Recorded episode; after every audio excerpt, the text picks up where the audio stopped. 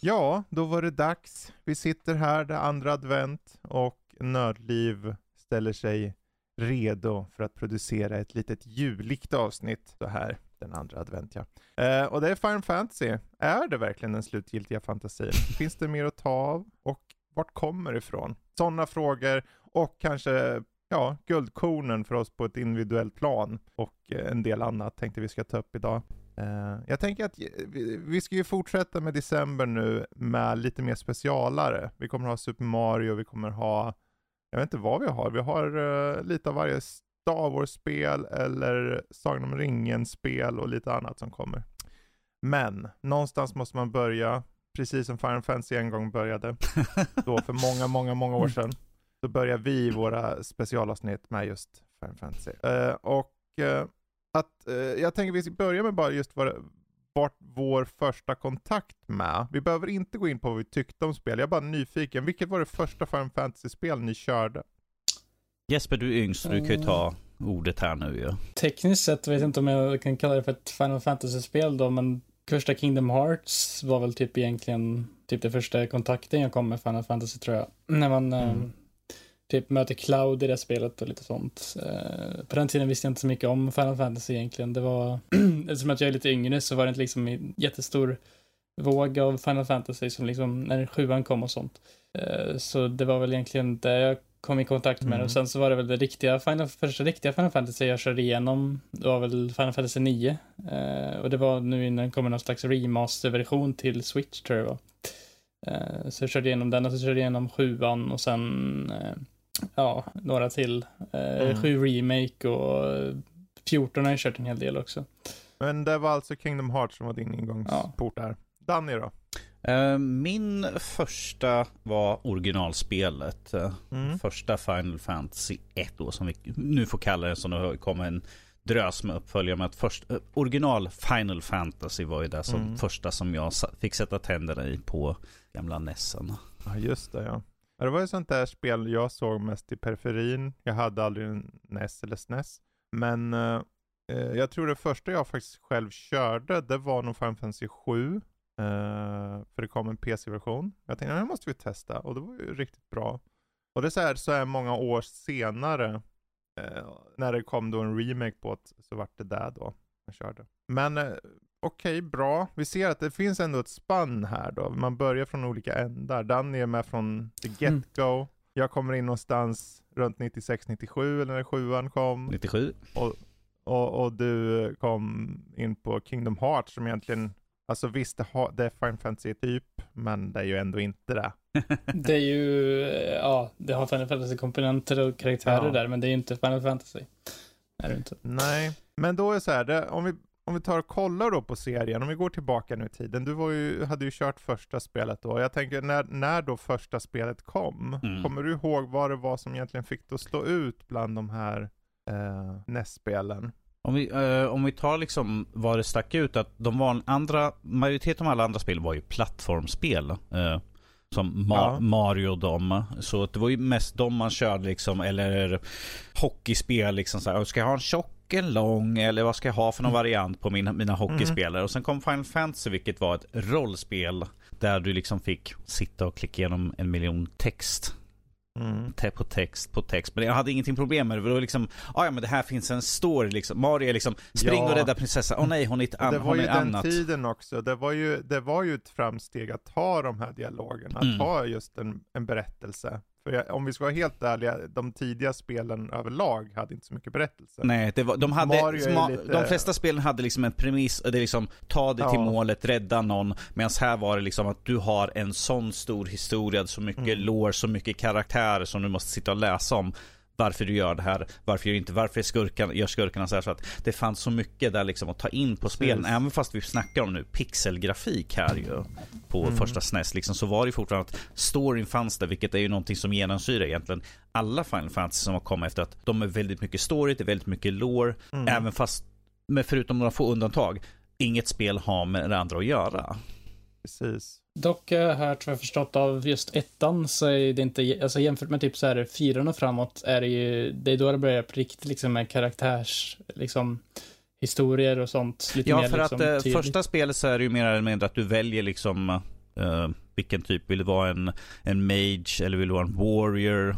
Och sådana saker. Det var, ju inte, det var ju inga karaktärer med namn på det sättet, men att du hade ju fortfarande några arketyper som man hade valet mm. på där. Men att det är ju fortfarande väldigt mycket historia, vilket uh, kommer senare också. Som sagt, som du säger, att det blir väldigt mycket mer att nu har du en karaktär med ett namn. Men att det var ju fortfarande att storyn fanns där hela tiden. Så mm. Det var väl den här Warrior of Light, uh, Crystal, liksom kristallerna och sånt började redan i ettan. Mm. Det här äh, tydliga liksom att äh, de här, alltså kristallerna har ju liksom varit en stor del av Final Fantasy hela tiden fram till typ tian och sånt när de gick lite ifrån, men det kommer vi ner till sen, men det liksom har varit liksom, ettan var ju väldigt etablerande av liksom egentligen JRPG-genren överlag, det var väl det och Dragon Quest. Mm. Eh, Dragon Quest kom ju inte ens till väst i början om jag minns rätt. Det var väl mest typ bara Japan. Så det var liksom Final Fantasy som var liksom ett helt nytt. Sen antar jag liksom för Ja, som du säger, typ Mario är ju verkligen, Mario typ Zelda till och med är liksom de första spelen där, även om Zelda blev liksom med tiden mer story heavy, typ Link to the Past och Ocarina of Time framöver liksom. Mm. Så var det ju liksom första Zelda, liksom, det fanns ju knappt någon story där. Det var liksom, du hittade svärdet, du gick och dödade Ganon. Vad fanns det mer? Liksom, typ inget. Medan Final Fantasy Nej. då har den här tydliga liksom, städer med karaktärer i liksom fiender, grinding och leveling och sånt som kanske inte riktigt är någonting som en spelare överlag är jättevan vid. Om man har spelat mm. andra spel, om man inte har spelat kanske typ eh, bordsrollspel som Dungeons Dragons liknande på den tiden. För det var ju också ganska populärt om jag minns, mm. om jag kommer ihåg, eh, om den tiden rätt. Så. Ja. Absolut. Nej men det, det, på många sätt och vis så blev det ju då att det här första Final Fantasy, det bestod ju mer av de här fyra elementen av The No World med karta och, och de består av så här stad, städ, eller en stad och fängelsehålskartor och grejer. Det var en stridsskärm och en meny, menyskärm liksom. Mm. Det var ganska basic, men det satte någonstans liksom, okej okay, men så här kan vi sätta upp ett system. Uh, tog lite inspiration från olika källor, allt från Dungeons and Dragons och allt vad det heter för att få den här typen av tidig RPG. Jag menar, du hade ju egentligen på menyskärmen kunde du hålla koll på vilka erfarenhetspoäng eller nivåer och så. Om en basic, men ändå. Mm.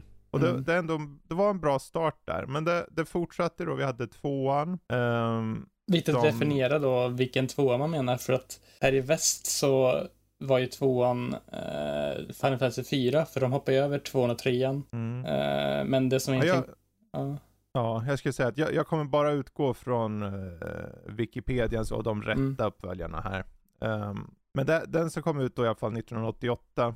Uh, eh, jag vet inte om någon av er har kört den här? Nej. Ja, jag Nej. har kört alla från 1 till, åh oh gud, vad blir det? 12. Mm. För sen hoppade jag 13 för jag var inte intresserad. Så jag har kört alla alla primära spel då egentligen. Då. Ja, för jag tänker, egentligen ser vi då, det, vi behöver inte hålla oss på de här två, tre, fyra riktigt mer än att man ser att de från spel till spel faktiskt tar steg att, att flasha ut själva uh, det här gameplay-momenten med magiska dryck eller trollformler. Uh, du har lite nya saker ibland som till exempel word memory, en ny funktion i tvåan där. Lite andra typer av konversationer och annat. Och NPCer och sånt. Mm. Uh, så att man ser, en, man ser en utveckling för att det är bara så mycket de kan ju också för det är ju fortfarande på Famicom, alltså mm. på original NES. Uh, och likaså om vi går till trean, så samma sak där. Det finns vissa förändringar, men de, liksom, de, de är ju fast i, i hårdvaran. De kan inte göra så mycket. Mm. Det, är, det är egentligen i, först Precis, är, de, första, de som... första tre är ju mer eller mindre att samma, samma hårdvara, samma system, men att det är mm. därigenom att själva gameplayet, själva storylinen, vad man gör, Precis. är ju väldigt snarlikt därigenom. Men att det är fortfarande satte ju spelen på kartan där att de hade en liten tyngd där mm. i alla mm. fall. För, för att vara på original Nessen. Exakt. Men det är ju så, när vi kommer till Final Fantasy 4 så är väl egentligen den som på något sätt låter förändras mer då antar jag. För dels mm. är det på Super NES Uh, Super NES. Super Nintendo. Super, Nintendo. Ja. Men uh, de introducerade Active Time Battle-systemet för att det skilde sig de här, från de här turbaserade designerna i tidigare rollspel. Så att uh, istället så fokuserade då att man matar in orders för att de då i realtid ska utföra dem då. Mm. En stapel uh. som har varit en del av Final Fantasy, eller liksom att det har varit en väldigt unik grej för just Final Fantasy fram mm. till, vad är det, tian eller något, där de dumpade sen. Men det är ju att du, eh, du har en mätare liksom som fylls upp och istället för att du vad heter det, har specifika turns som man har i vanliga JRPGs, liksom att man tar en turordning och sen så nästa tur kör liksom fienden, sen är det du, sen fienden, sen är det du. Mm. Så att det är du som liksom väljer karaktärernas eh, ATB-attacker liksom, så att vissa karaktärer kanske har vissa eh, spells eller någonting som är väldigt starka, men de kanske tar mm. längre tid att ladda upp och då hinner fienden attackera mycket snabbare än du och då kan man få flera turns samtidigt istället för att Precis. du får en emellan liksom så att det blir varannan utan det blir liksom att olika spells är olika, eller olika förmågor har olika liksom laddningstider mm. om man säger så. Så det blir liksom en slags strategi i realtid på ett annat sätt. Så det känns mm. kanske, ja. Uh, det, det, var en, ja. det var en tydlig departure där och det var ju så här, det är intressant ändå för man tänker då efter tre spel så fanns det ändå en publik som var van vid hur det, ja men så här ska det vara. kan inte ha någon jäkla active time vad är det här för något hit? Men det gick ju bra. Eh, kommer du ihåg något av fyran när det begav sig, Danny? Alltså, något som stack ut väldigt mycket från de tre föregående spelen, att det här får vi i alla fall aktiva huvudkaraktärer. Vi har till exempel Cecil som är huvud, alltså våran huvudkaraktär i de spel som eh, uh, börjar ut som en vad fan hette det? Dark Knight? Tror jag det kallades. Inte en Dragoon eller någonting? Ja, alltså, nej, alltså jag har för mig att han uh, kallades för Dark Knight. Fast han utvecklas till att bli något liknande Dragoon. Som sagt, det är ju jättelänge sedan. Men att här hade vi i alla fall en mängd olika huvudkaraktärer mm. med namn. Och det var inte liksom bara, det här är Warrior, det här är liksom en, en fighter. Liksom. Så här hade vi i alla fall klassystem uh, med uh, karaktärer som var liksom satta. Vi har ju, och nu kommer inte jag ihåg vad han hette för men det finns ju en, en monk till exempel. Det är mm. massvis mm. uh, ma ma magiker och allt sånt där. Så att det var här gick de ju liksom utvecklade väldigt mycket mer från de mm. tre föregående. För då var det liksom de fyra olika klasserna. Här har vi liksom 12 karaktärer. Och de mm. hade alla olika stridssystem, de hade olika liksom bakgrundshistorier, det var liksom mer utfläschning av liksom karaktärerna, bakgrundshistorier, det hade lite mer djup än liksom de föregående spelen. Liksom, ja men vi måste rädda kristallerna, vi, vi, är de här karaktärerna, men att här är liksom du är den här karaktären, du har den här bakgrundshistorien och här är liksom varför du mm. väljer att gå på den här resan för att liksom rädda världen.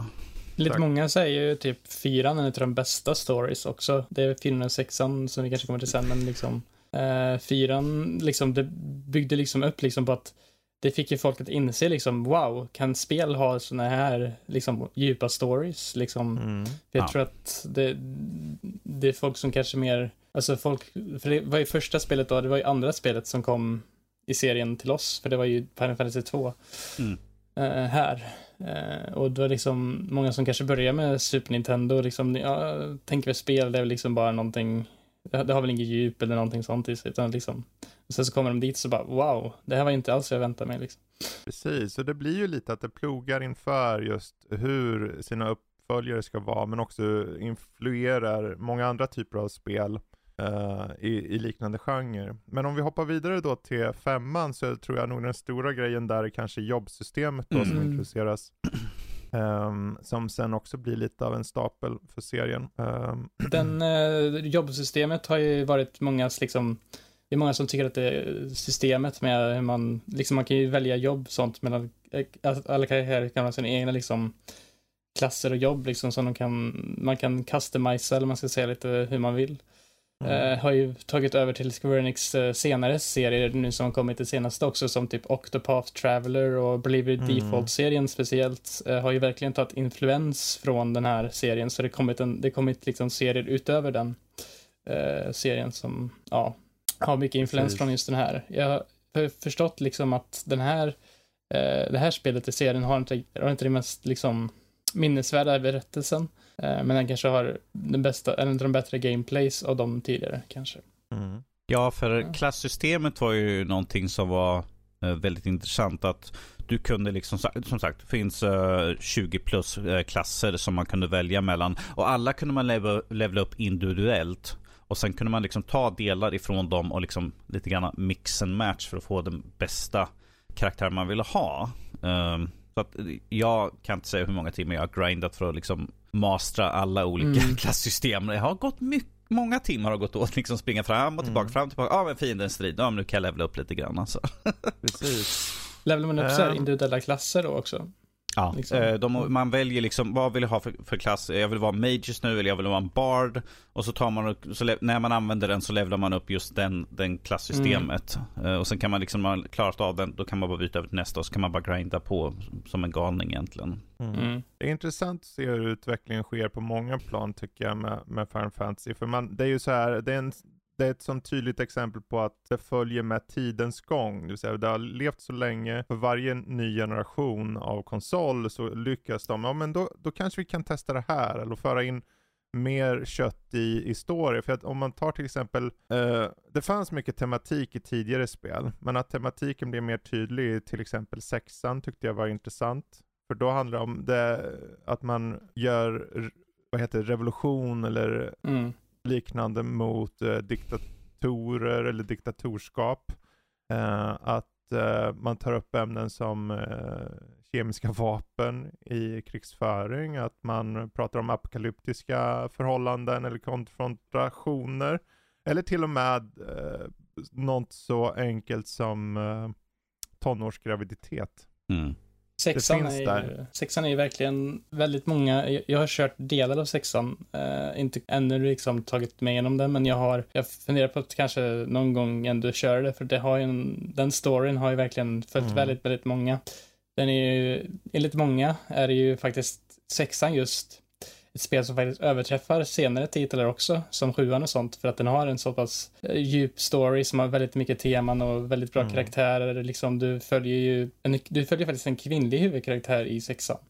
Vilket var också en ganska ny grej. Du, Terra är ju en kvinnlig huvudkaraktär. Eh, eh, som man följer genom det spelet. Mm. Så har det lite annan setting också än de tidigare spelen i serien. Eh, istället för att ha en liksom, jättetydlig liksom, high fantasy så har ju Sexan lite mer så steampunk fantasy mer.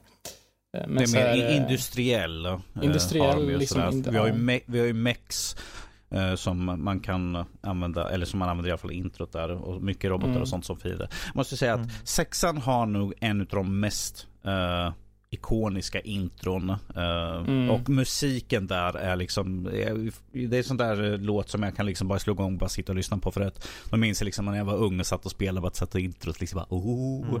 Mm. Um, ba, ba, ba, precis, men att som, som du säger där liksom att uh, om man ser från föregående spel som du nämner, liksom, det har väldigt mycket teman och sånt, men att det mm. har ett mm. sånt större tyngd och djup. Eh, för att det känns som att de har gått från klassisk fantasy liksom, till liksom att vi har lite djupare saker. Det är, det är liksom krigs, mer krigsföring. Det är inte det här bara liksom rädda världen från kristall, utan nu har vi andra saker som finns bakom också. Eh, att det finns en ja. större tyngd, en större liksom urgency, liksom att vi måste stoppa liksom de onda krafterna. Eh, men som jo, du säger, att jag, Final Fantasy 6 är nog en, en, en av de, utav de tidigare spelen, en av de mm. stora säljaren och liksom det som var ett av de mest populära liksom i, i folkmun. Liksom att det är ja, väldigt populärt. Också, jag tänker att det är mycket som är också det här med att de har lyckats finslipa sin serie nu. För det här är ju slutet, alltså mer eller mindre slutet på SNES. Uh, eh, mm. Eller slut, i alla fall slutet för Final Fantasy på SNES om vi säger så. Ja. Inte för SNES nödvändigtvis i sig. Men uh, att det liksom, det blir ett, uh, ett skönt crescendo där för serien. Uh, men sen då, ett par år senare kommer något som är då egentligen tar och förändrar på, på vissa sätt som gör att folk tänker, det här är ju inte Final Fantasy. När sjuan kommer så blir det ju mycket snack om, okej, okay, det här släpps alltså till Playstation. Varför släpps det på Playstation och inte till Super Nintendo? Eller 64. det var en, eller 60, ja, 64, Nintendon. Och det är ja. så här, det, det snacket kommer jag ihåg att det var liksom en stor grej. Jag kommer ihåg när de hade i speltidningar liksom visat upp de första tidiga screenshot mm. på spelet. Och man bara, what? Vad är det här för någonting? Det ser inte ut som Final Fantasy brukar göra sådär. Nej, precis. Och mm. det var en stor, en stor avtramp liksom från serien i, på flera plan med just hur den presenterades, hur man spelade till viss del. Uh, att den hade ganska bra pre, så förrenderade CGI-bakgrunder och det var 3D-karaktärer och det var full motion video och hela konkarongen. Och det, vi hade kommit in i, i CD-ROM-eran på riktigt nu. Och det ville de verkligen gå in i.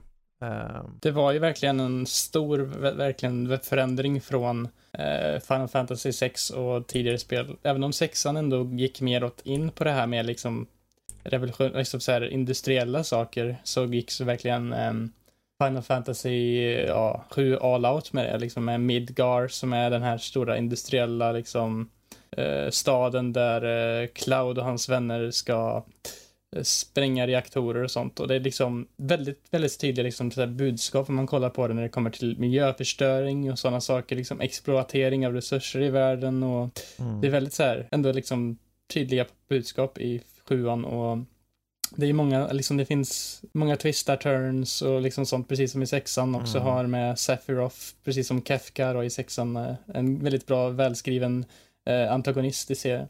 Och eh, ja, det är väl egentligen, ja, det är, det är väl egentligen, jag skulle säga vad jag förstått så är det mycket liksom samma som driver båda spelen, liksom att det har en bra, bra liksom antagonist som man vill veta mer om och mm. en karaktär som i Clouds fall man inte vet så jättemycket om. Man vet ju inte riktigt hela hans historia förrän liksom man kommer in i spelet mer. Det, det är höjt i dunkel liksom genom hela historien. Ja. Och vi ser ju också ganska snabbt här, vi går ju liksom från kassettbaserade spel mm.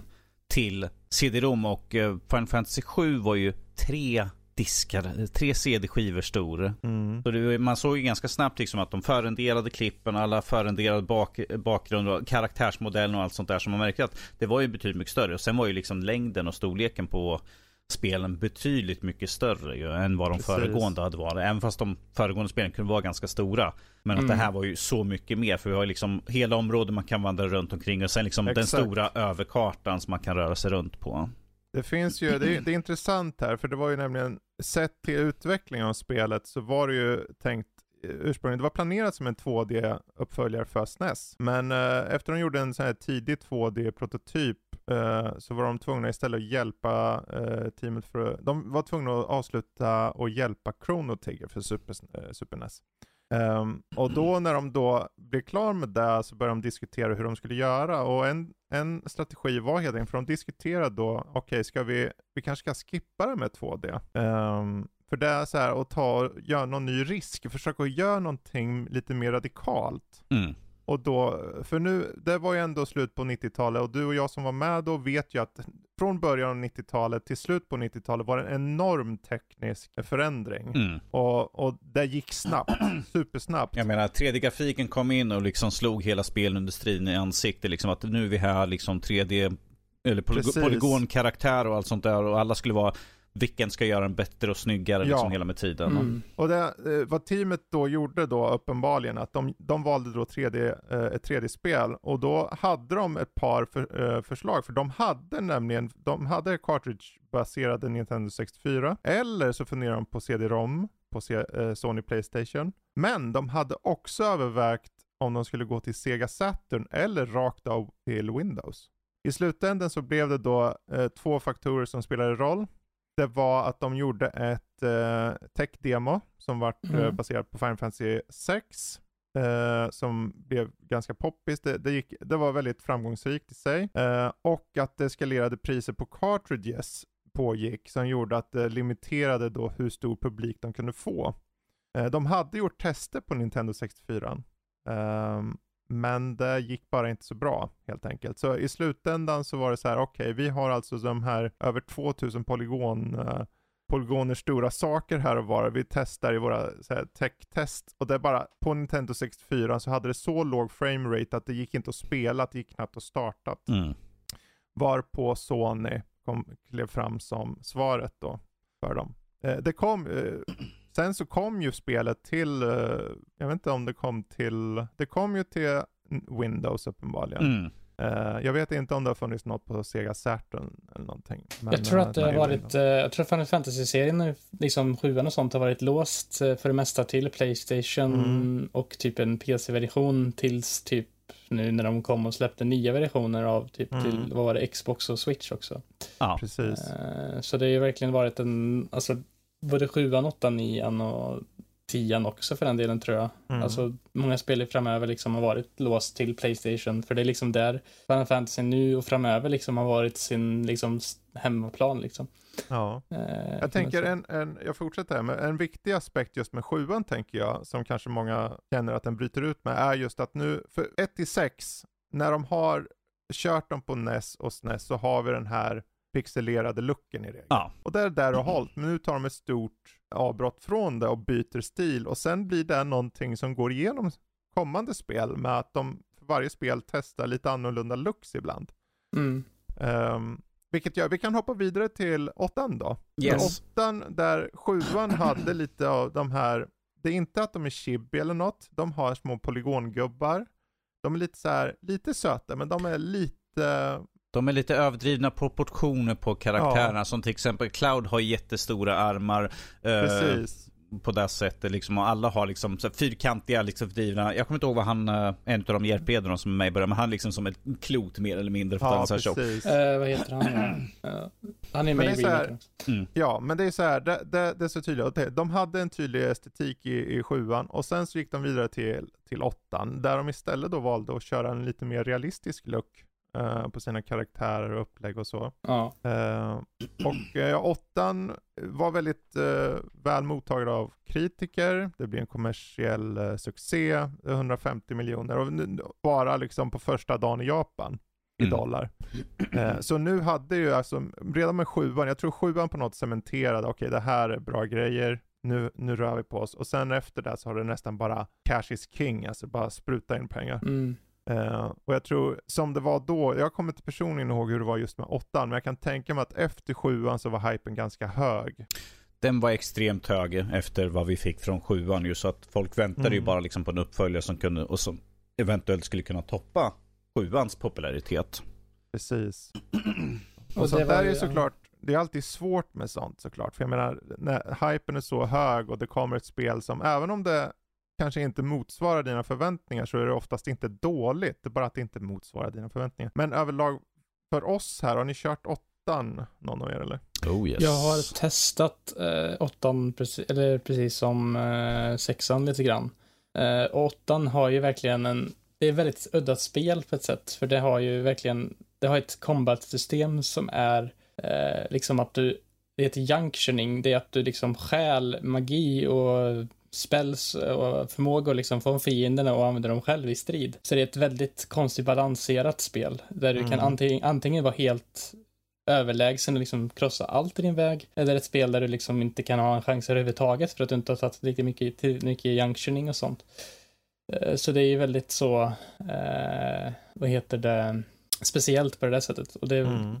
jag tycker att, ja, berättelsen är också väldigt eh, annorlunda. Det utspelar sig på typ en Academy typ, eller om jag har mm. förstått. Där du spelar som Skål Leonhardt, som är den här Man with Machine Gun. Du har en Machine Gun-svärd, typ. Eh, Pistolsvärden. ja. Eh, och liksom, det har väl lite så här, det är mycket så här, typ lite romantiska intriger med han och en tjej där och lite sånt. Och de är ute på lite expeditioner och sånt. Och Precis. så. Eh, det är ju ett väldigt divisive spel. Alltså många eh, gillar det väldigt mycket och säger att den är favoriterna. Det är väldigt många som också tycker att det är absolut sämsta Final Fantasy. Så det är verkligen en, det är väldigt, eh, väldigt blandat, splittrat ja. spel i åsikterna bland folket. I alla fall numera. Ja, då var mm. det ju väldigt mycket kritikersuccé, men jag tror hos gemene man så var det, men kommer det här efter sjuan? Men alltså vad det egentligen gjorde om vi ser till några punkter, jag tror att det, det fortsatte egentligen med de här 2D-renderade bakgrunderna, de, de hade chocobos och de hade airships och allt vad det heter. Eh, och eh, fokus på en berättelse uppenbarligen. Och det där fortsatte då när de då hoppar vidare till eh, nian. Men än en gång så tänker jag, men då, nu, nu ska vi gulla till det ordentligt här. Så de gullade till estetiken igen. Nian är dock en eh. return to form för Final Fantasy på ett sätt. För inte, nu längre har vi inte den här futuristiska sci-fi settingen, mm. utan vi går tillbaka till det här airships i airships och medieval, liksom medeltida fantasyn som vi mm. hade i eh, de tidigare spelen. Uh, och det var ju Precis. också det första jag spelade. Du, du spelar som en, uh, jag tror en, han är en tjuv, typ Sidan, som uh, ger sig in på en operaföreställning där han träffar på en uh, en tjej som heter Dagger som han flyr undan med för hon är dotter till hon som håller i det här och det är mm. liksom, det är så storyn börjar och du ska ut på äventyr med honom och henne. Och det, ja, jag tyckte det var ett riktigt bra spel när jag spelade det. Det var, jag tycker även att det är nog det snyggaste av de tre spelen, för de har ju verkligen ehm, de har ju kunnat använda, utnyttja PS1 hårdvara för en grafisk stil på ett bättre sätt mm. än ett, både 8 och 7 tycker jag. Eh, även om 8 ändå är bättre än 7 på det sättet tycker jag, men Dian tycker jag ändå gör ett liksom, ja det är riktigt snyggt nu eh, för mm. att vara PS1 liksom.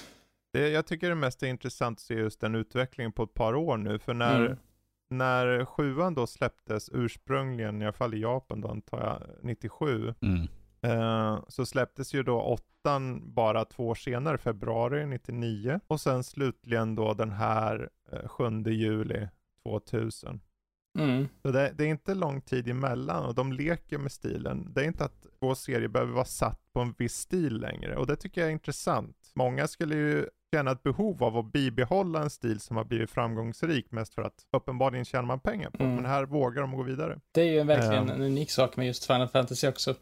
Att de har ju verkligen ingen fördefinierad stil eller liksom en setting de går efter när de ska göra ett spel utan det är liksom de har alla möjliga. De har från fantasy till sci-fi till, ja, ja fantasy sci-fi är det såklart, men det är liksom, mm. det går från olika settings, olika sorters karaktärer, olika ja, teman på berättelser och sånt. Så det är verkligen en serie nice. som är liksom lite av allt och jag tror det finns lite, lite av JRPG-fans finns det nog lite för alla där. Mm. Bland JRPG-fans. Så det Ja, och den, på den vägen är det. För om vi går vidare då till tian så mm. är det ju eh, ännu mer av eh, sätt att uttrycka sig visuellt. De, de förändrar lite igen då uppenbarligen. Och eh, de, de för in, eh, om jag inte missminner mig helt, någon form av top-down perspektiv på world-mappen. Eh, där tidigare spel har featurat någon miniatyrversion, eh, liksom representation. Ja. Så är det här ganska expansive areas liksom med eh, olika städer och lite distinkta mm platser och lite sånt. det, kan, det, det har gjort är ju att det har tagit bort eh, liksom den här vanliga overworld-mappen som man går mm. mellan, liksom att man är på en stor öppen overworld liksom, utan det, liksom, det går från område till område liksom i en ganska linjära liksom vägar ändå. Mm. Men det som egentligen gör tians till uh, unikt för serien och ny, nytänkande på tians är voice acting. Uh, det är första spelet i serien som har röstskådespel. Eh, och säg vad man vill om röstskådespelet kanske inte är jättebra. Eh, liksom alla performances av alla karaktärer om man säger så. I alla fall inte om man frågar mig. Jag, men jag tror att ifall vi går tillbaka till den eran och kollar på röstskådespel mm. överlag. Ja, om vi tar Resident ja. Evil så, ja, ja de röstskådespelen i första var ju... Det är så lätt det är så lätt att utgå från idag när man egentligen då var vi bara glada att faktiskt pratades i spel. Ja, precis. Det är det jag tänkte säga oh, också. Yes. Att, eh, att det liksom, det är, alltså, det är liksom en, en revolutionerande sak. Eh, trots kvaliteten liksom så, liksom, ja, mm. det var ju nytt för serien. Liksom man, inte längre behöver man läsa all text för att förstå all story. Nu kan du lyssna på karaktärerna och prata istället. De uh, introducerar också den här conditional turn-based battle system då som mm. uh, i alla fall för det här spelet då tog över då för ATB. Um, ehm, och det verkar vara relativt nalikt men um, det fanns ändå någon form av förändring där. Mm. Mm. Och det, det, är intressant att se att de testar. I grund och botten så är det liksom, du har ändå någon form av turbaserad idé i alla spel. Uh, mer eller mindre. Det är bara att det yttrar sig på olika sätt. Mm. Det är mer eller mindre inte bara i vilken ordning du kommer hamna i beroende på hur mm. man gör. Den kanske förändras mer längre längre fram och det kommer vi till. Men uh, uh, vi hoppar vidare då. Vi hade ett försök på Final Fantasy, eller försök, vi hade Final Fantasy 11, ett MMO eh, MMORPG. Eh, jag vet inte om någon av er känner till mycket av det här. Men, jag eh, har bara sett screenshots och liknande ja, av det. Mm. Typ. Det var ju ett försök. De, de var ju tidiga där de ville komma in i, i den här typen av spel. Det var ju i början av 2000-talet var det ju alla skulle göra ett. Sen något år senare så kom ju WoW. Jag kommer inte ihåg exakt när WoW kom, men när 2004 det kom så, tror jag. Ja, jag för mig det med. Och då, då var det, okej okay, det här är så det ska vara. Uh, men just under den perioden så är det inte konstigt att, uh, att Final Fantasy försökte. Och sen så kom, vi kommer ju till det senare, hur de faktiskt lyckas. Uh, Final Fantasy 11 kom och sen gick den, men höll väl på ett par år i alla fall om jag inte missminner mig. Ja. Um, Sen har vi, vi hoppar... ja, tolvan också sen efter det. Ja, det var den jag går till nu. För tolvan, tolvan däremot är ju lite mer av en mer traditionell på vissa plan. Uh, det RPG. Uh, ja, du kan ju ta vid om du vill ta upp ja, det lite. Jag tänkte säga att tolvan är ju egentligen spelet som får ett Final Fantasys turnordningsbaserade liksom natur att liksom, alltså det går från det liksom det här tydliga turordningsbaserade till något helt annat. För i tolvan är det inte den här, eh, alltså ja, precis turordningsbaserad, utan det går mot en liksom mer, det är lite så här MMO-aktigt ändå, för det är liksom att du har ett, jag vet inte, gambit-system. Mm. Och du kan liksom kontrollera liksom karaktärer som, eh, du bestämmer vad de gör för någonting i realtid, lite liksom, lite realtidsstrategi ändå, blandat med lite, ja, ja det är fortfarande ett tydligt RPG och så, men det har ju verkligen ett helt nytt och unikt stridssystem jämfört mm. med de tidigare spelen. Eh, och sen har det ju det utspelar sig ju i, i Valis som är en eh, redan etablerad värld från serien. Det är ju eh, världen som är med i spin-off-serien Final Fantasy Tactics och eh, JRPG Vagrant Story förutom, dessutom. Eh, så det är ju en värld som nu eh, är ganska etablerad. Eh, en, det är en väldigt så här, tydlig fantasy-värld, liksom high mm. fantasy, mycket politik och från många sidor så är det inte en jätte... Alltså, det som fallerar på tolvan är väl egentligen att huvudpersonen inte är så jättemärkvärdig. Eh, Van är inte någon, liksom... Det är inte riktigt han, hans story man, som är det viktiga i spelet, utan det är liksom världen och politiken och mm, worldbuildingen mm. som är liksom det som driver berättelsen.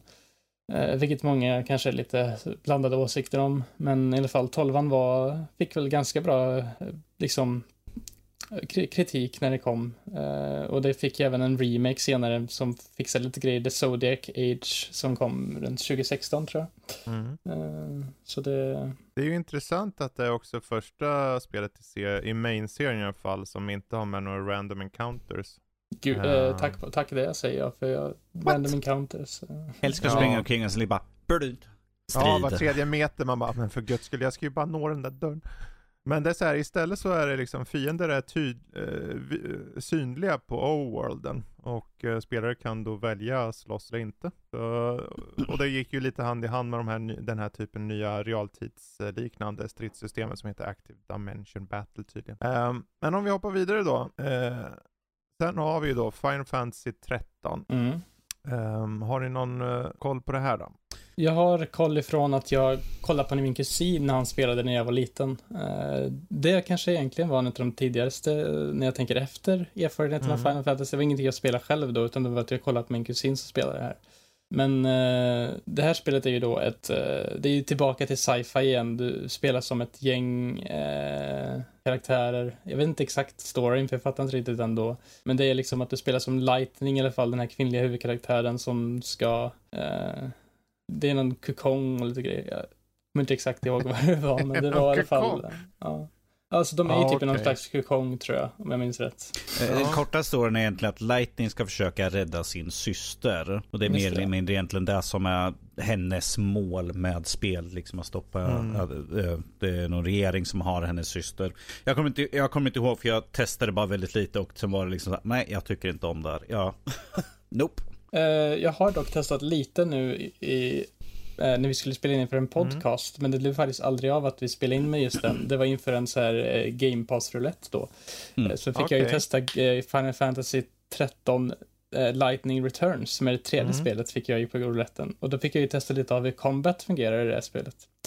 Och combaten är ju egentligen att du har, det är inte turordningsbaserat per se, eller man ska säga, utan det är liksom att du väljer spells utifrån, du har liksom ett antal poäng du kan använda dig av.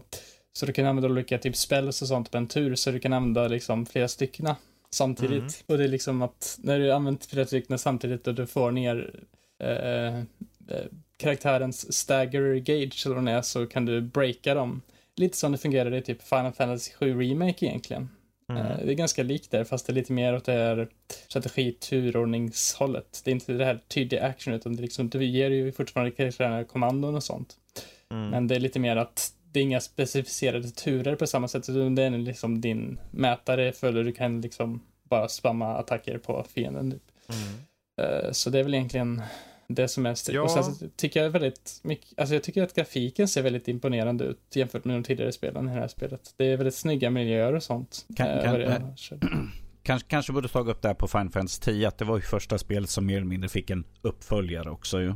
Precis Just som det. att vi har nu Final Fantasy 13 som fick två uppföljare. Som Final mm. Alla tidigare spel har varit helt fristående, de har absolut ingen koppling. Så Final Fantasy 10 var det som hade X2 som det hette, liksom Precis. ifall tittar på namnet. Eh, som fick en, en genuin uppföljare där vi fick följa med karaktärer från det tidigare. Och här i Final Fantasy 13 är egentligen det första som har en, en hel trilogi. Eh, där vi får mm. följa en och samma karaktär genom tre spel.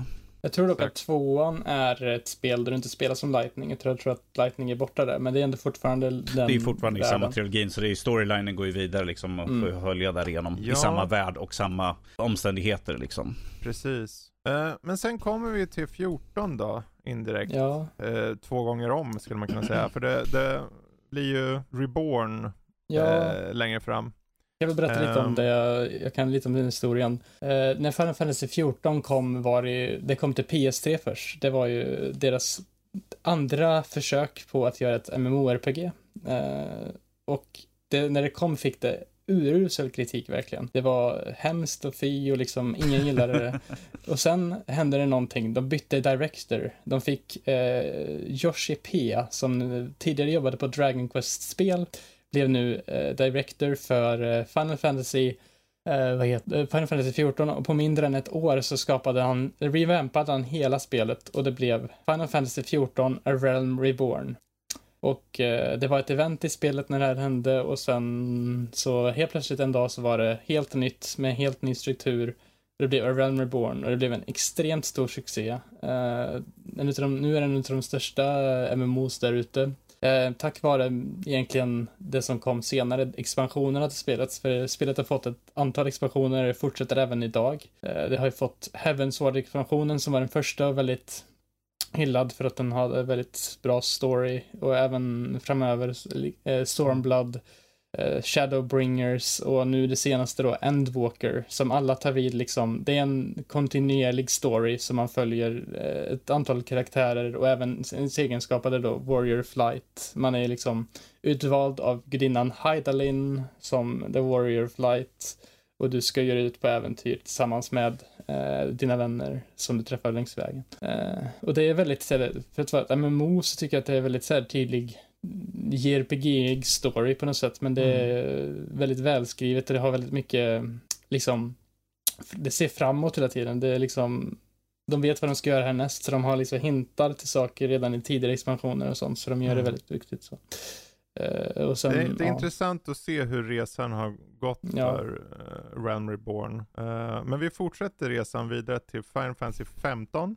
Ja. Som, och nu börjar vi komma väldigt upp i nutid kan man säga, för det här är det senaste main-spelet då. Vi kommer inte gå in på varenda spin-off eller något, det säger jag redan nu, utan vi kör bara main idag.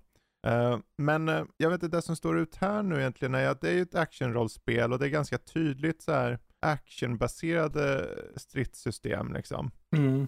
Um, och du har, du åker runt, transporterar med en bil och du har en ganska intressant värld och det är än idag ganska snyggt spel.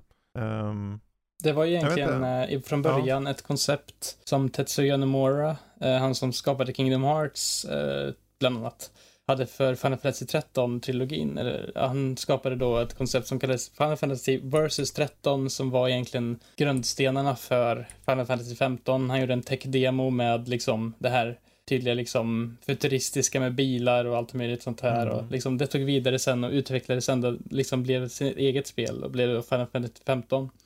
Och eh, jag kom inte riktigt in i 15, jag vet inte vad det var med det, men det var liksom något, det känns som att de har så mycket material utöver Final Fantasy 15-spelet man måste liksom hålla koll på för att hänga med fullt i storyn. Det har ju en prequel-film till exempel, Kingsglaive, en CGI-film och sen har det en typ något prequel-spel och massa sånt. Och sen så när det kom också så var det lite dålig eh, bemötande för att det var ganska, det var lite buggigt tror jag som var det, typ storyn var inte helt klar. Eh, Nej, det, det var ju en del skrällar där. För det, jag kommer ihåg buggfesten som ja. det pratades om då. Men också att eh, storyn då var typ eh, vad heter det, inte riktigt, alltså fulländande. Så de behövde mm. göra en massa expansioner till det här spelet med olika episoder som var till de olika karaktärerna. För att jag mm. tror att huvudkaraktärernas, eh, liksom, det är ju the main eh, bro gang kan man väl säga med mm. Noctis och hans kompisar. Och eh, varje de episod då liksom gav mer vikt till de här uh, karaktärerna. Uh, men sen hade de även ett multiplayer-läge om jag minns rätt, som jag inte har testat, som. Folk tyckte var lite så här småkul och sen hade de även en sista episod uh, med uh, the main bad guy från spelet också tror jag. Mm. Uh, så det spelet levde, levde väldigt länge. Ja, och jag vet ju, det är intressant så här hur, hur saker och ting kan utvecklas med tiden, för det är många har pratat eller hört på i andra poddar till exempel, som ser det här som sitt favorit Final Fantasy. Mm. Så det, det, och mycket har med storyn att göra och hur det har utvecklats där liksom. Mm. Men just det här med att karaktärerna får XP men att de inte automatiskt levlar utan du själv väljer liksom placera ut saker och ting och, och så. Att du åker runt uh, till olika safe zones som heter havens och mm. rest, har så rest sites och allting. Det, det står ut lite och Laga det är mat intressant och sånt. att se. Ja, Maten precis. ser väldigt snygg ut för att vara på ett spel. ja, och det känns som att det nästan på mer och mer sätt har flörtat med open world-genren i det. Att den har i alla fall känslan av den här stora världen och att det känns betydligt mer lättare att ta det fram. Um, är om storymässigt så är det lite mer korridor så att säga. Men det där det, där det slutar egentligen sett till de stora uh, main-serien då. För sen kommer egentligen Final Fantasy 7 remaken mm. som den tydligaste exemplet på att de försöker, men då, då är det ju uppenbarligen en en remake. Men skillnaden då med Final Fantasy 7 Remake är att de faktiskt gör om lite på story-element och de gör framförallt om utseende och uh, även på strider då. Mm. Det, det, här är det lite grann som jag har problem med när man säger att det är en remake fast de egentligen vad de gör är egentligen en reimagining fast de vill kalla det en mm. remake för att det låter som att vi kommer vara trogna till allting men att vi har uppenbarligen ändrat om saker och ting. Men att ifall man säger en remake då kommer ju alla gamla fans liksom på direkten att köpa för att det är det gamla originalspelet precis mm. som jag minns det. Fast är en ny skrud. Fast som vi har märkt Nej. att uh, sjuan remaken är ju en reimagining för att det finns precis. element, eh, beats och sånt som har ändrats om. För att ja. passa en modernare publik. Jag tror, jag tror mycket av det hänger på att om du ska sälja in det till folk, Final Fantasy 7 The Reimagining, så kommer folk bara se ut som frågetecken. Ja, jo, jag vet. Så att det, det, det finns nog väldigt tydliga skäl till det. Men det, överlag så är grundstommen finns ju där rent storymässigt. Mm. Um, men då tycker och, jag att eh, uppföljarens namn Rebirth är mycket bättre.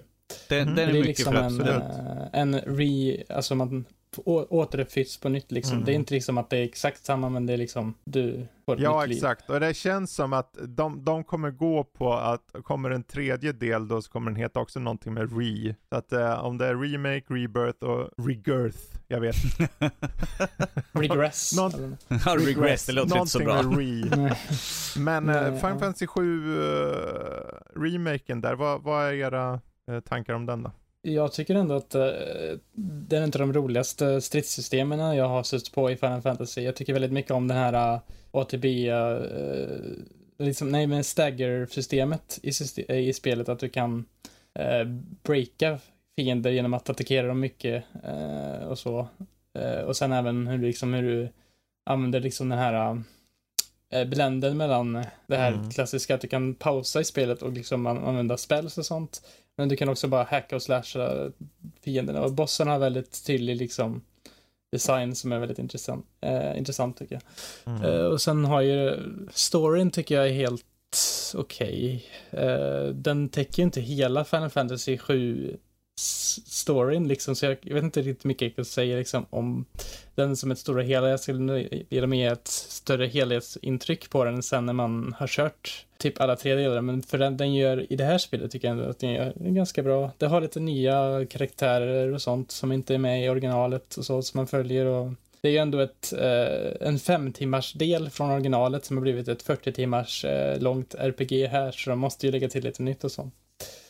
Eh, så ja. Ja, och jag tror också de hade en önskan om att faktiskt kunna flasha ut saker mm. och ting. Att uh, göra om saker, att kanske optimera upp event så att inte vissa event drygas ut i 40 timmar när det kanske kan vara lite kortare. Mm. Så att uh, ändå intressant att se. Och vi, nu då har vi ju nått fram till nutid. För jag avslutar där med Final Fantasy 7 Remake uh, sett till det senaste stora då. Uh, och nu, har vi, nu har vi gått igenom alla, jag tänker innan vi blickar framåt så om vi tar en snabb blick bakåt. Om ni då skulle välja ut ett eller två eh, guldkorn av alla de här som står extra nära er, vilka skulle det vara då? Jag har väl redan nämnt det lite grann, men eh, Final Fantasy 9 tyckte jag var riktigt bra. Det hade väldigt så här, intressanta karaktärer och sånt tyckte jag och liksom blandning mellan seriositet och eh, lite så här lighthearted eh, berättelse och eh, ja, men äh, jag tycker nog att kanske typ faktiskt, även om jag inte är en MMO-spelare egentligen så tycker jag att 14 eh, det är det enda MMO som egentligen har grabbat mig, för jag tycker att den berättelsen de berättar där är så pass bra och engagerande. Och det är så bra worldbuilding där och karaktärer mm. och sånt, så jag tycker att den har, de har gjort ett väldigt bra jobb och därför ser jag väldigt mycket fram emot framtiden för Final Fantasy på vissa sätt, för att de kommer mm. fortsätta göra eh, patchar och fortsätta göra expansioner nu på den här MMO. Och det ska bli intressant att se hur de utvecklar storyn där. Eh, Precis. Det ska bli Precis. Mm. Danny då? Ja, ifall jag skulle välja några som, är, som sticker ut som några favoriter så kommer det ju såklart vara Final Fantasy 6. Uh, gripande historia, liksom bara uh, liksom kul att köra det för att det har ett sånt, sånt stort djup. Final Fantasy 7 för att det är liksom en, en stapel av Final Fantasy som för oss in i vad Final Fantasy är nu för tiden. Det är det som liksom bröt utifrån de gamla spelen till liksom vad vi mer eller mindre ser idag i serien. Sådär. Och sen Final Fantasy 9, precis som Jesper sa, det är ett väldigt lekfullt spel. Det, är liksom, det, har, mycket humor, det har mycket hjärta liksom, mm. och det finns väldigt många karaktärer. Min absoluta favorit nästan genom Final Fantasy-serien är Vivi. Ja, um, Vivi ja. Och det Vivi. är liksom uh, intressant hur den karaktären både är så light-hearted, men även har en sån här djup som man får reda på senare i spelet som verkligen bara wow. Mm. Lite grann. Uh, så liksom, det, det, det, är en grej med nian tycker jag verkligen. Det, det, är ett spel som slår på många strängar liksom. Och sen så tycker jag väldigt mycket om uh, den estetiska stilen de har valt. Liksom lite mer, mm. lite lätt chibi format liksom. Mm. Jag har nästan alla huvudkaraktärerna i figurer någonstans här i lägenheten. Så, um, men det, utan jag skulle ta så är det de tre spelen som sticker ut mm. mest för mig.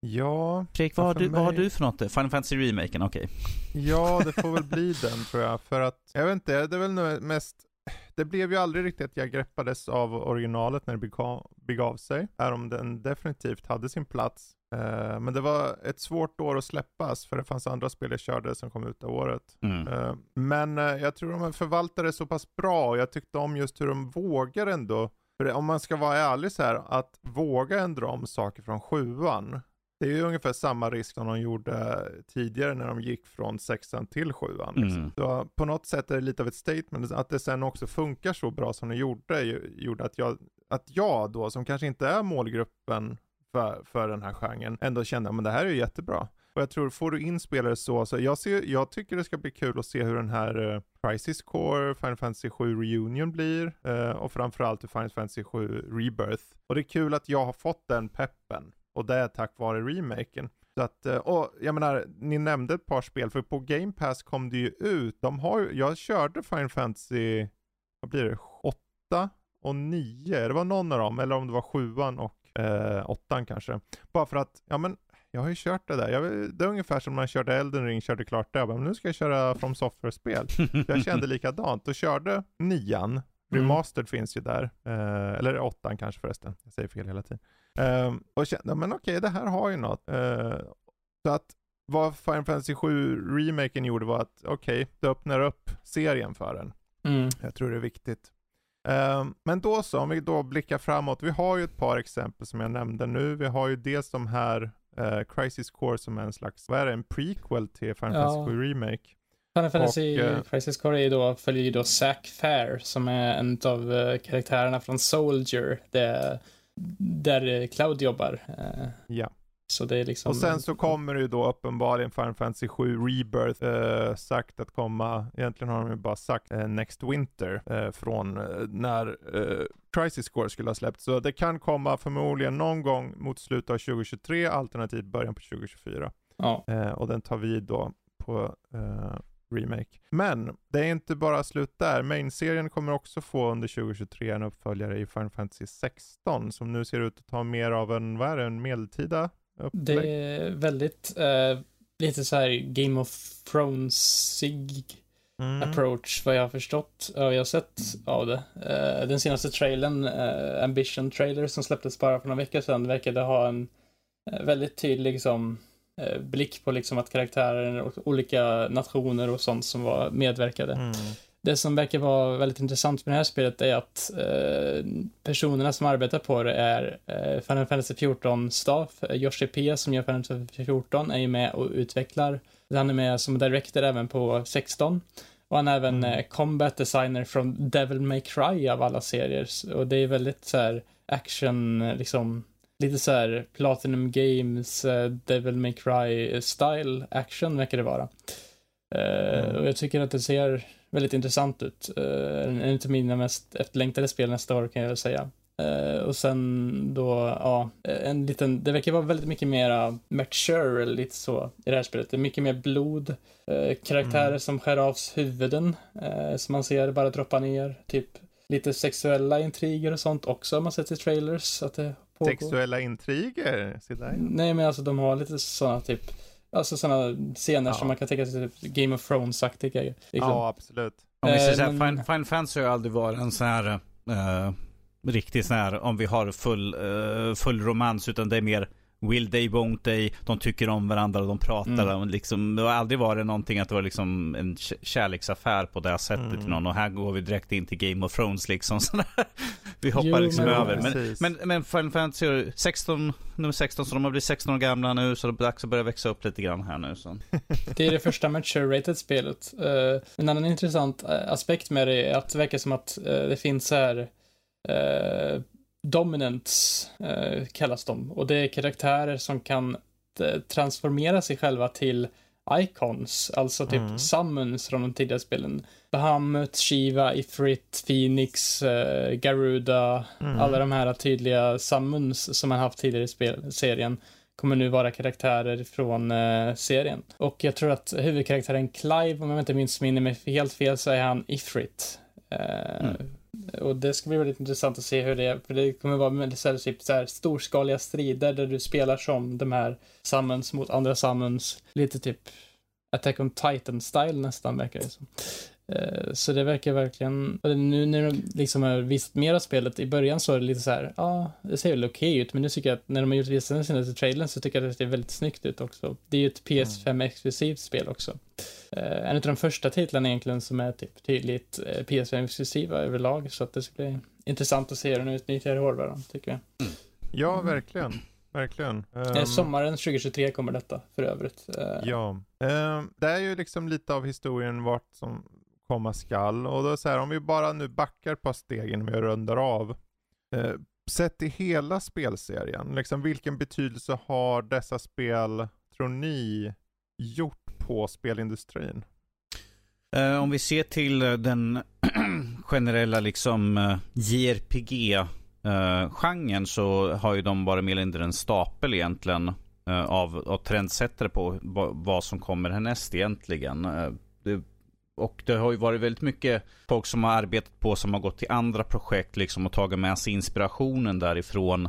Uh, så att Square har ju, Square, om man ska titta på JRPG så är ju Square egentligen en av de största liksom när det kommer till mm. själva JRPG-genren. För att vi har ju så många olika serier som de har skapat. Och alla kommer egentligen ifrån Final Fantasy-serien. Så att de liksom, i själva Square så har de liksom liksom, de arbetar mellan, över projekten, liksom tar inspiration mm. ifrån. Så att vi ser ju det. Och väldigt mycket ser man ju i andra spel, liksom att ja, men det här ser väldigt Final Fantasy ut. Ja, men det är troligtvis inspirerat av Final Fantasy. Om vi ser till liksom gameplay, liksom battle system mm. och, och, sånt. Som, och förändringar som har gått från A till B liksom till active battles, liksom, liksom fria strider, öppna världar, eh, semi-öppna världar och allt sånt där. Så att det är ju väldigt mycket som har eh, kommit utifrån uh, Squares Final Fantasy. Ja. Även fast det är en slutlig slutgiltiga varenda gången hela tiden men att vi får alltid en ny. Så det, det är aldrig ja. för sent för dem liksom. Det är liksom en gång till kan vi allt ha den slutgiltiga liksom. Så den slutgiltiga typ, fantasin. Ja. Eh, några exempel på typ spel som, ja, från Final Fantasy som härstammat, liksom Chrono Trigger, tar väldigt mycket inspiration på vissa sätt som från Final Fantasy med, det har lite så här ATB-system det med. Mm. Eh, sen var ju även eh, Xenogears var ju en av eh, koncepten för Final Fantasy 7 som blev sin egen serie och skapade en väldigt stor serie av Xenosaga, Xenogears och Xenoblade nu också som också blivit en av de största JRPG-serierna så det har blivit liksom det är många personer från Square som har lämnat Square och skapat sina egna spelserier eh, med så här, som har skapat JRPG-serier. Mm från Final Fantasy, fått inspiration från Final Fantasy och eh, ja, det är väl egentligen Final Fantasy, i alla fall i väst, som liksom definierat eh, JPG-genren för många tror jag. Definitivt. Jag menar det är ju, vad man än tyckte om serien så var det den serien alla pratade om. Det var den serien som gjorde saker. Det var den serien som förde vidare JRPGs till de som inte kände till det.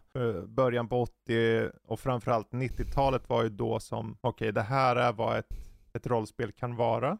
Mm. Vissa hade inte koll på det, vissa hade liksom Dungeon, vad heter det, Dungeon Master och liknande sådana här spel i ryggen och inte riktigt hade koll alls. Så det var så kul att se hur det här parallellt med den västerländska rollspelsupplägget som sakta men säkert byggdes upp också hade JRPG som sakta men säkert också utvecklades och fick sin egen känsla och ton. Mm. Och jag tror ja. betydelsen av de här spelen är egentligen att varenda utvecklare idag, som du var inne på, om inte de får, faktiskt kommer från serien, alltså om du utvecklar som kanske kommer från serien, där åtminstone de flesta utvecklare tar guldkorn, de tar russinen ur kakan och väljer så här, om jag tar det här elementet eller det här elementet, oavsett vilken typ av spel de gör idag, så kommer det säkert förr eller senare någonting ur ditt spel direkt från Final Fantasy. Och det är sånt jag tycker är kul att se liksom. Ja, för vi hade ju liksom serier ifrån, liksom i Square, som har liksom JRPG-serier som liksom har utvecklas utifrån det som typ, eller Dragon Quest var ju parallellt, mm. men det var ju tack vare Final Fantasys popularitet med JRPG-genren som jag tänker att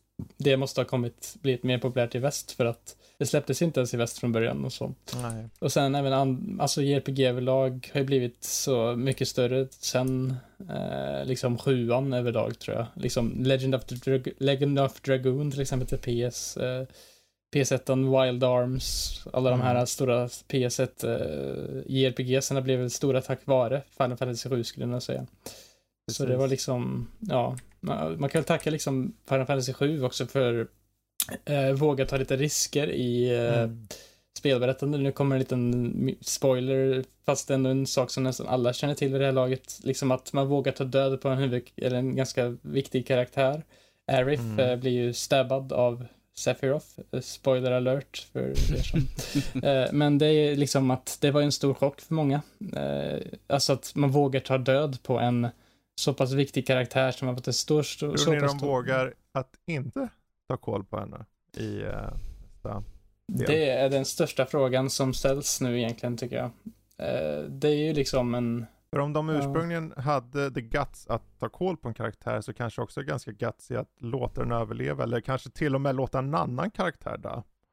Det, jag, det tror faktiskt, jag tror faktiskt en sak som, jag tror faktiskt att det är, en, det är mer gutsy i Final Fantasy 7 remaken att låta henne leva eller att använda mm. de här arbiters of faith och låta henne leva än att hon dör.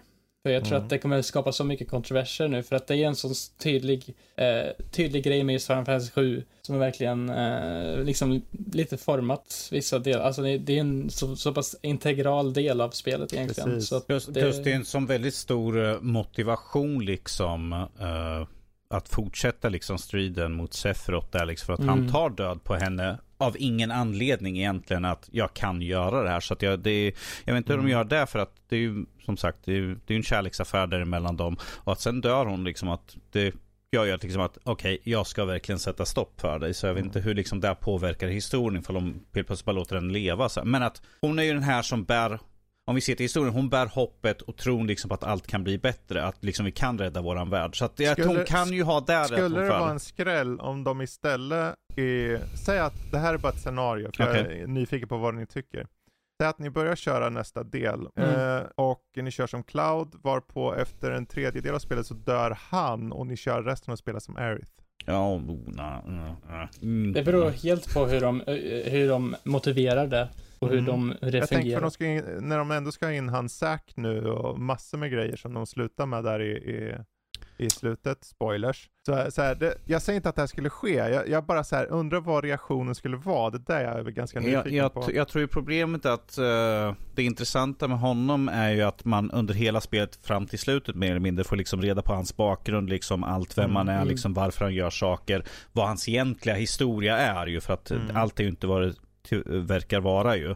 Vilket ta bort hela den, den historien. Jag tänker det är lite det som Crisis Core gör där. De verkar ju ta upp just exakt det. Mm. Så det hade mest såhär, undra, för han är ett exempel bara. Det ja. kan lika gärna vara någon annan stor karaktär. Att de tar koll på Tifa, att de, ja. uh, alltså någonting som gör jag, att de jag, jag tror. Tifa tror jag inte är påverklig. Men vi får till exempel ta död på Barrett som är en, ja. en av de, de, tre stora karaktärerna egentligen.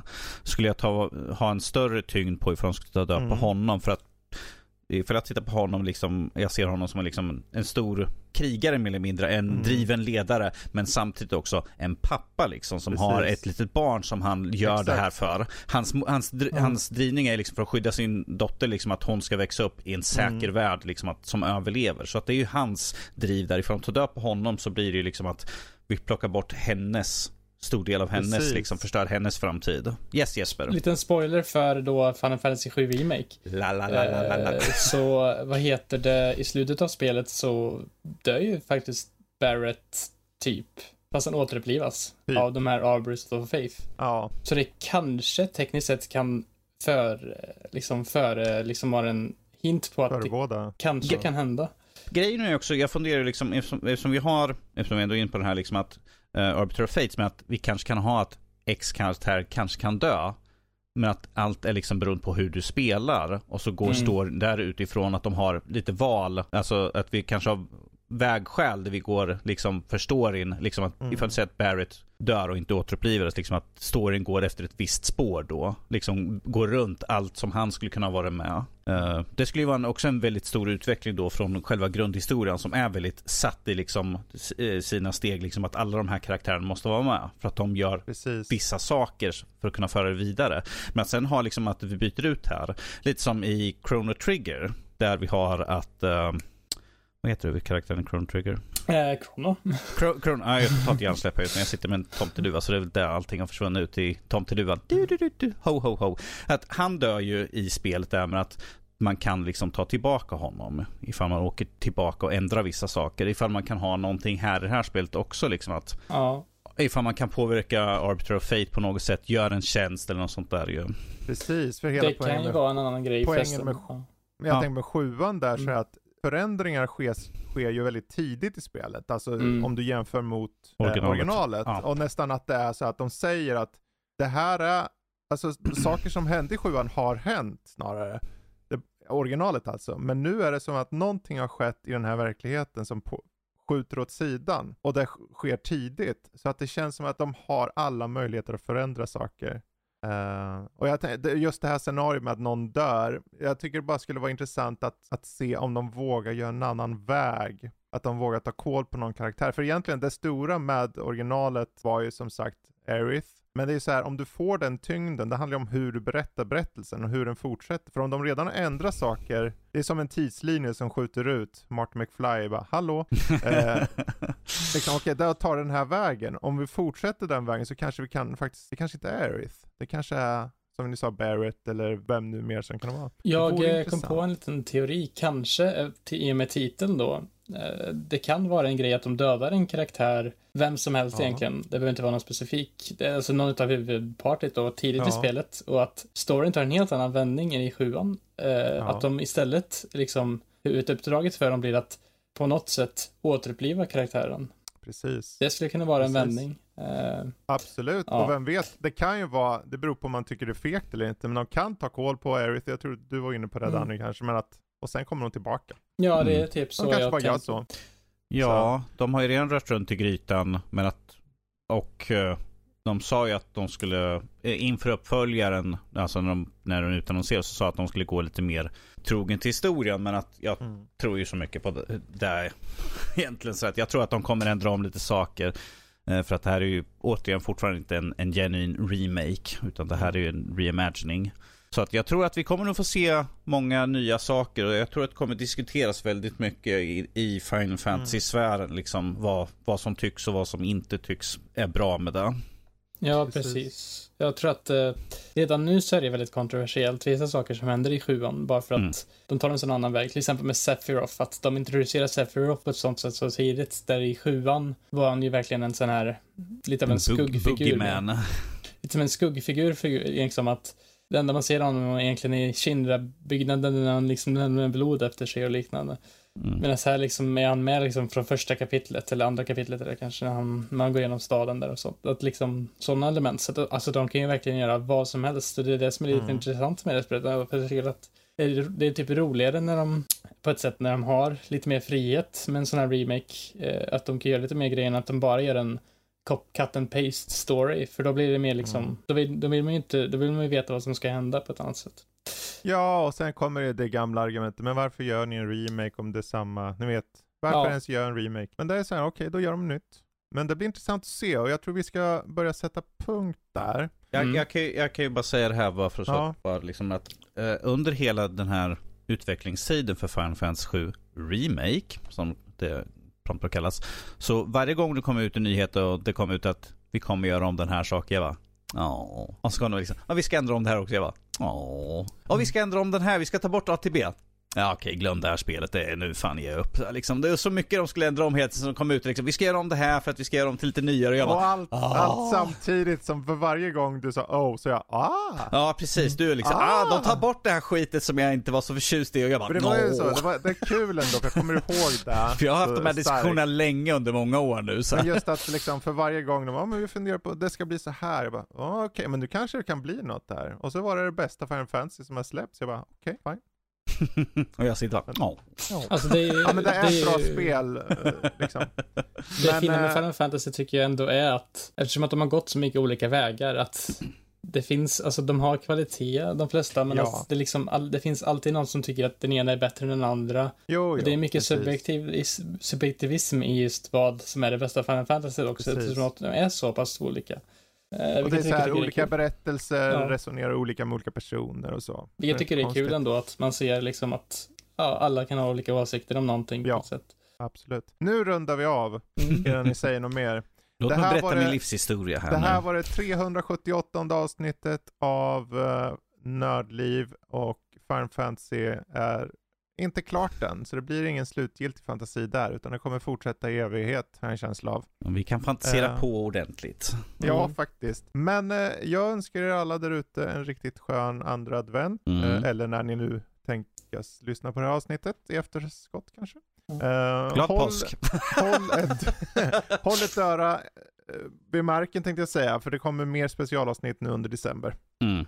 Så det är bara fortsätt och följ oss. Då får väl vi tre säga tack för oss. Jag heter Fredrik, Danny säger hej då. Tullu. Hej då. Och Jesper säger hej Jaha, ja, okej. Okay. Med det sagt, hej då. Tullu.